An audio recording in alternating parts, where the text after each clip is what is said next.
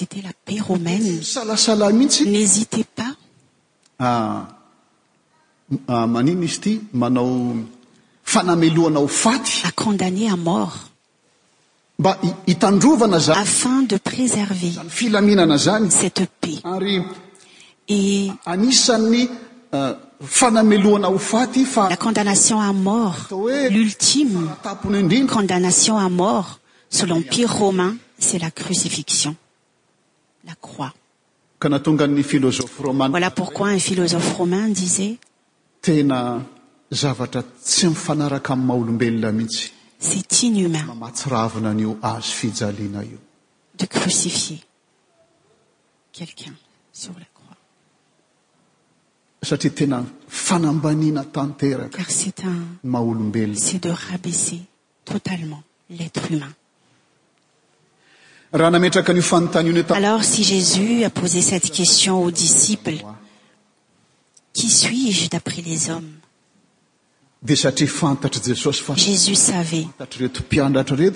que ces disciples devaient savoir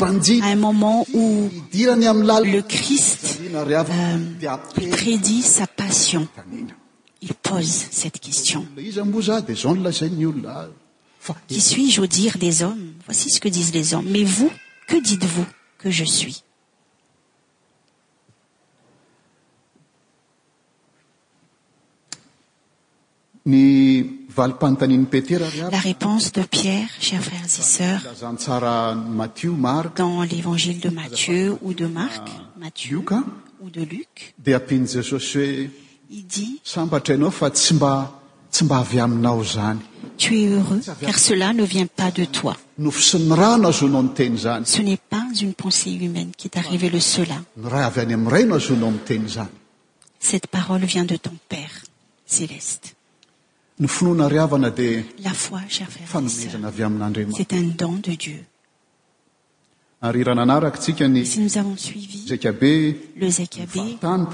euh, la rgioôtre paul a soulignécet par la grâce que nous avons été sauvés par la foi cela ne vient pas de nous de vous mais c'est un den de dieu cela ne vient pas des œuvres ne pas que vousou vantiez alors même que nous n'avons pas eu la foi nous étiez morts et christ us a nous a donné la vie et maintenant nous avons la foi nous ne pouvons pas nous vanter de notre foi car c'est une grâce voilà pourquoi les chrétiens ont la foialors jésus pose cette question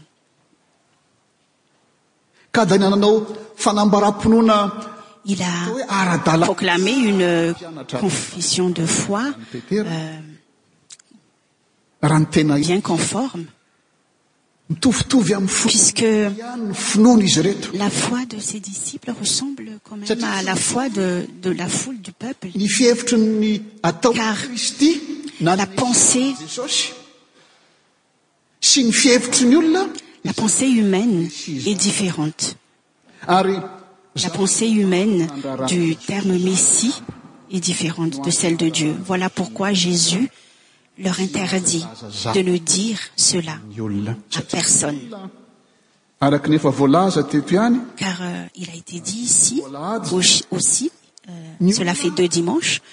que l'homme ce qui le concerne l'homme proprement ce qui est propre à lui ny ousitrana c'est d'être guéri c'est d'être rassasié ary zanla t mbon nataoy et c'est d'ailleurs ah. ce que le ttur le dial dit à sus si tu es le véritabl fils de dieu lorsu ss avait faim et qil a fait le jeune avant 'accomplir son minsèle mnsèr de ntr lut alors le mal lui a dit si tu es véritablment le fils de dieu transforme ces pier en pain Euh, on va dire c'est la sagesse du mal le fils de dieu et celui qui donne le pain le fils de dieu et celui qui fait des miraclesmais lorsqu'il n'accomplit pas cela alors il n'est pas le fils de dieu alors jésus lui dit l'homme ne vivra pas uniquement de pain mais de la parole de toute parole qui sort de la bouche de dieu ce n'est pas pour direque jésus ne se soucie pas des choses de la chair des besoins de la chair et lorsque nous lisons tous les enseignements de jésus du début jusqu'à la fin il était ému de compassion devant ces gens devant cette foule qui avait faim donné à manger au peuple cette foule et lorsque le moment est venu où il reviendra il dit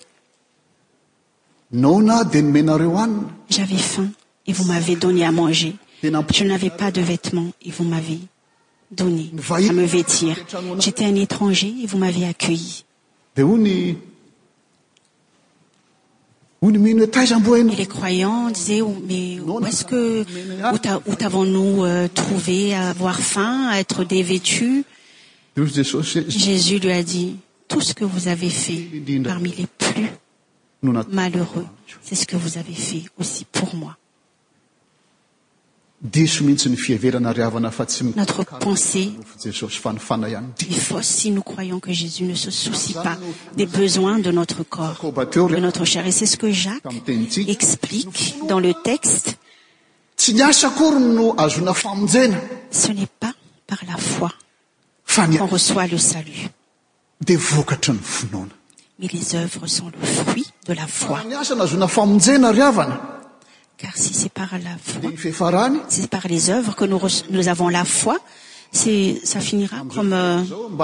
a taliban pour avoir pour être agréé devant dieu on interdit ceci on interdit cela on fait ceci on fait cela pour être agréé à dieu ce n'est pas grave même si on tue quelqu'un ainsi lorsqu'on sera au ciel dieu agréer nos actes et nous savons qu'en afghanistan l y a un ministère de la vertu carnf vtr araknn les acteses œuvres selon la loi c'est celà on pense que c'est celà qui conduit au salut mais jésus pose bien la question ici chers frères et sœurs suis-jeque ah, dites-vous que je suis même jacqes qui a été tué nous avons lu tout à l'heuresi tu as à la foi moi j'ai les uvres amn fnoa montre moi ta foi sant les uvres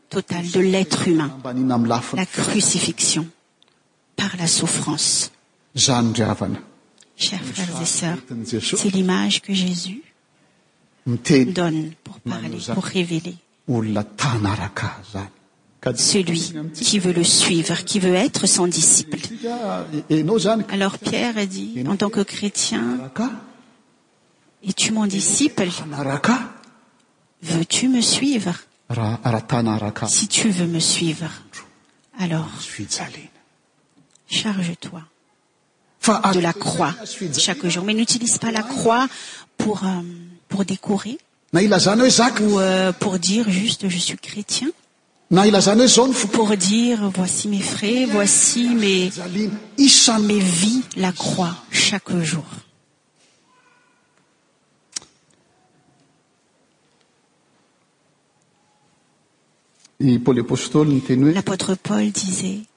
celui qi est au chist a déjà crucifiétout ce qu'il est sur la croi porte la croix chrs frèrs et sœurs secharge de la croixsis de la i su a o c'est lim du rcmt du hrtie e t ne peut suorter cela jusq'à la fin il dit à s disait à jésus il a tenté jésus pour ne pas arriver à la croixcar il savaitque 'e c'est ainsi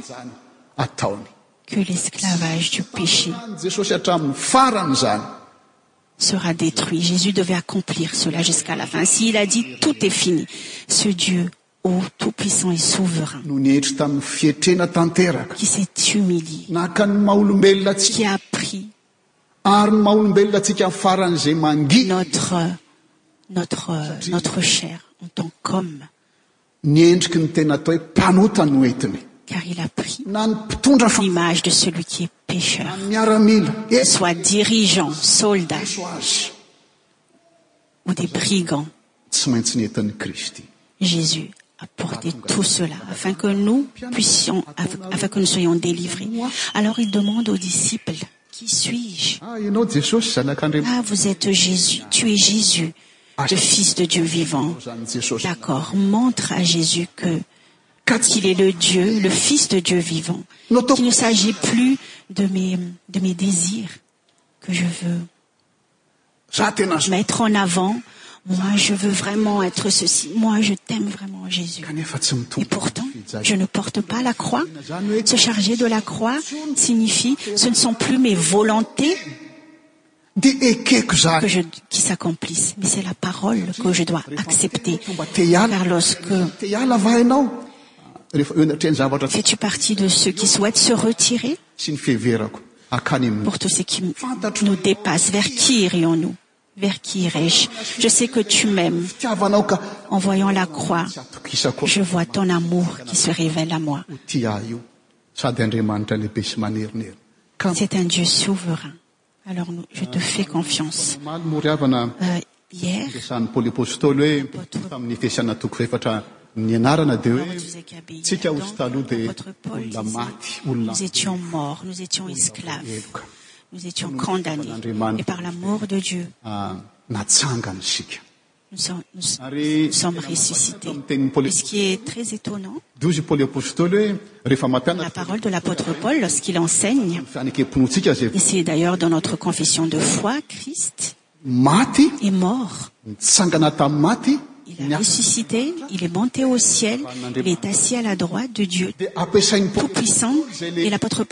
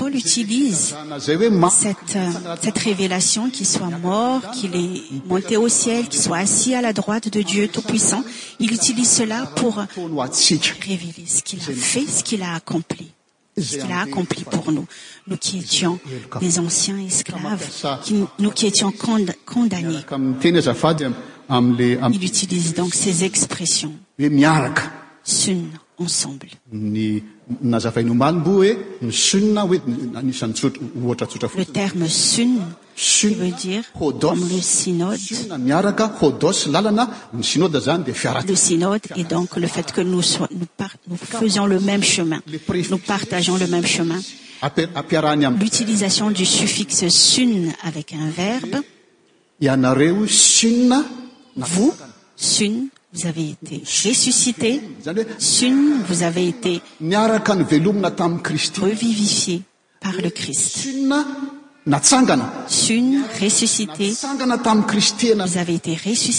avec le christrknptra sun qui s'assied avec le crist vous asseyez avec le christ dans le ciel c'est ainsi c'est ce que le christ a accompli pour nous chers frères et sœurs il est ressuscité il est monté au ciel il s'assie à la droite de dieu mais nous aussi